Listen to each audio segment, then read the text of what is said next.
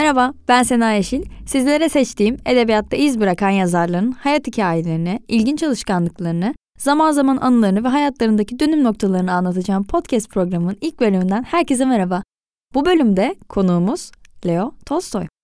Kimilerine göre dünyanın en büyük yazarı olan 28 Ağustos 1828 yılında dünyaya gelen Tolstoy aslında sosyal durumu ve statüsü olarak oldukça varlıklı bir aileden geliyor. Aslında Çar soyuna da dayanıyor Dedesi de Katerina ordularını yönetmiş bir başkomutan aynı zamanda.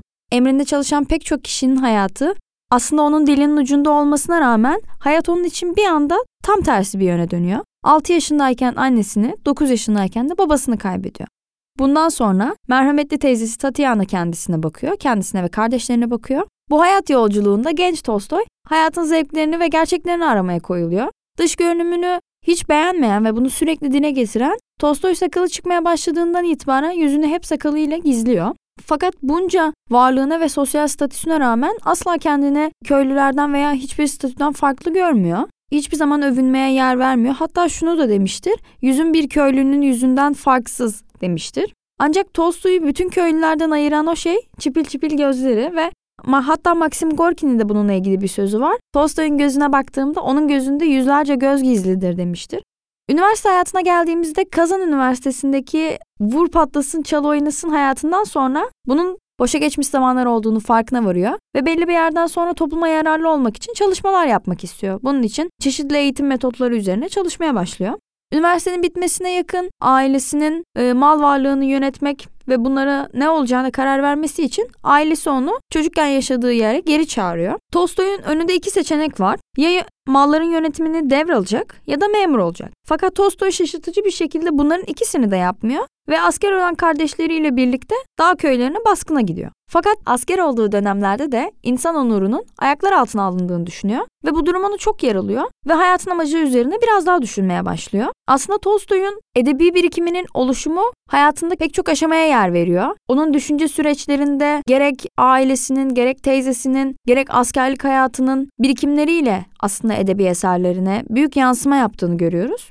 1858 yılında babasından kalan topraklara geri döndüğünde Tolstoy artık biraz daha kendi içine dönüyor ve başından beri ilgilendiği köylülerin hayatını daha yakından incelemeye başlıyor. Onlarla daha fazla vakit geçirmeye başlıyor ve topluma yararlı olmak için çalışmalar yaptığından bahsetmiştik. İki yıl sonra bir Avrupa turuna çıkıyor e, çeşitli eğitim metotlarını öğrenmek açısından. Fakat maalesef sağlık sorunları yüzünden bu turu başarıya ulaşamıyor ve geri dönüyor. Artık burada Tolstoy'un hayatında çok daha farklı bir dönem başlıyor. 1862-1876 yıllarında artık kendini tamamen başta reddettiği aile topraklarına adamaya başlıyor ve kendisi bu dönemin en mutlu dönemi olduğunu söylüyor. Bu dönemde Eski aile dostlarının kızı Sophie Bers ile evleniyor. Aralarında büyük bir yaş farkı var fakat Sophie onu eserlerini yazması için onu her zaman destekliyor. Hatta en büyük yardımcısı olduğunu söylüyor Tolstoy, Sophie'nin.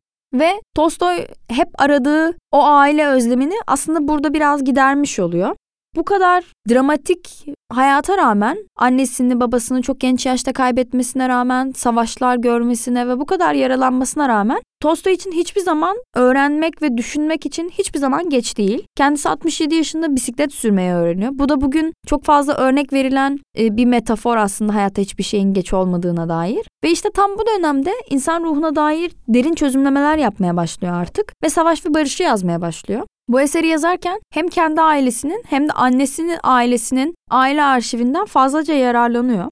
1873 yılında onun hayatında yeniden olumsuzluklarla dolu bir dönem başlıyor. O merhametli, şefkatli teyzesi Tatiana ölüyor. Eşi hastalanıyor ve iki çocuğunu kaybediyor ardından. Ve tabii ki bu hazin olayların gölgesinde Tolstoy yoğun bir bunalıma giriyor aynı zamanda. Fakat eserlerini yazmaktan yine vazgeçmiyor ve devam ediyor. Bu dönemde de Anna Karenina'yı yazmaya başlıyor. Burada da Anna Karenina ile ilgili ve Tolstoy'un o yoğun buhranlı dönemiyle ilgili hep anlatılan bir hikaye var. Onu da anlatmak istiyorum. Bildiğimiz gibi Tolstoy aile çiftliğine geri dönüyor. Orada işte kendisine hizmet eden uşaklar vesaire. Fakat ama gittikçe artık insanlarla görüşmek istemediğini fark ediyor. Daha az iletişimini kısıtlıyor. İnsanlarla iletişimini kısıtlıyor. E, ve yardımcısına yemeğini kapıya bırakmasını ve onu asla yazı yazarken rahatsız etmemesini söylüyor. Ardından Anna Karenina'yı yazmaya devam ettiği bu süreçte günlerce kapıyı açmıyor, yemeğini almıyor. Yardımcısı endişeleniyor ve en son kapıyı çalıyor, içeriye giriyor ve kendisinden ses gelmediğinde içeri giriyor, bakıyor ve Tolstoy'u yerde ağlarken buluyor. Gözyaşları içerisinde buluyor ve gerçekten hazin bir şekilde sarsıldığını görüyor. Kendisine ne olduğunu soruyor. Tolstoy ise Anna Karenina öldü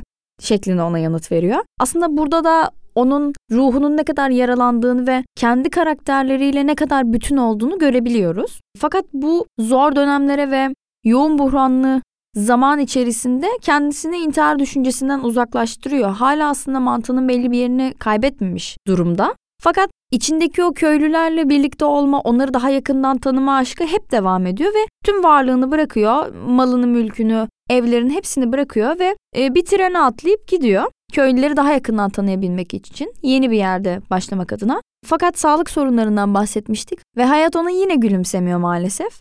Burada da kışın ortasında evi terk edip gittiği ve artık gerçekten yaşlı olduğu için zatürreye yakalanıyor ve 1910 yılında 82 yaşında zatürreden tren istasyonunda hayata gözlerini yumuyor. Tolstoy'un hayatına farklı bir açıdan baktığımız bu bölümümüz umarım sizler için keyifli geçmiştir. Bir sonraki bölüm ve yazar için takipte kalmayı unutmayın. Hoşçakalın.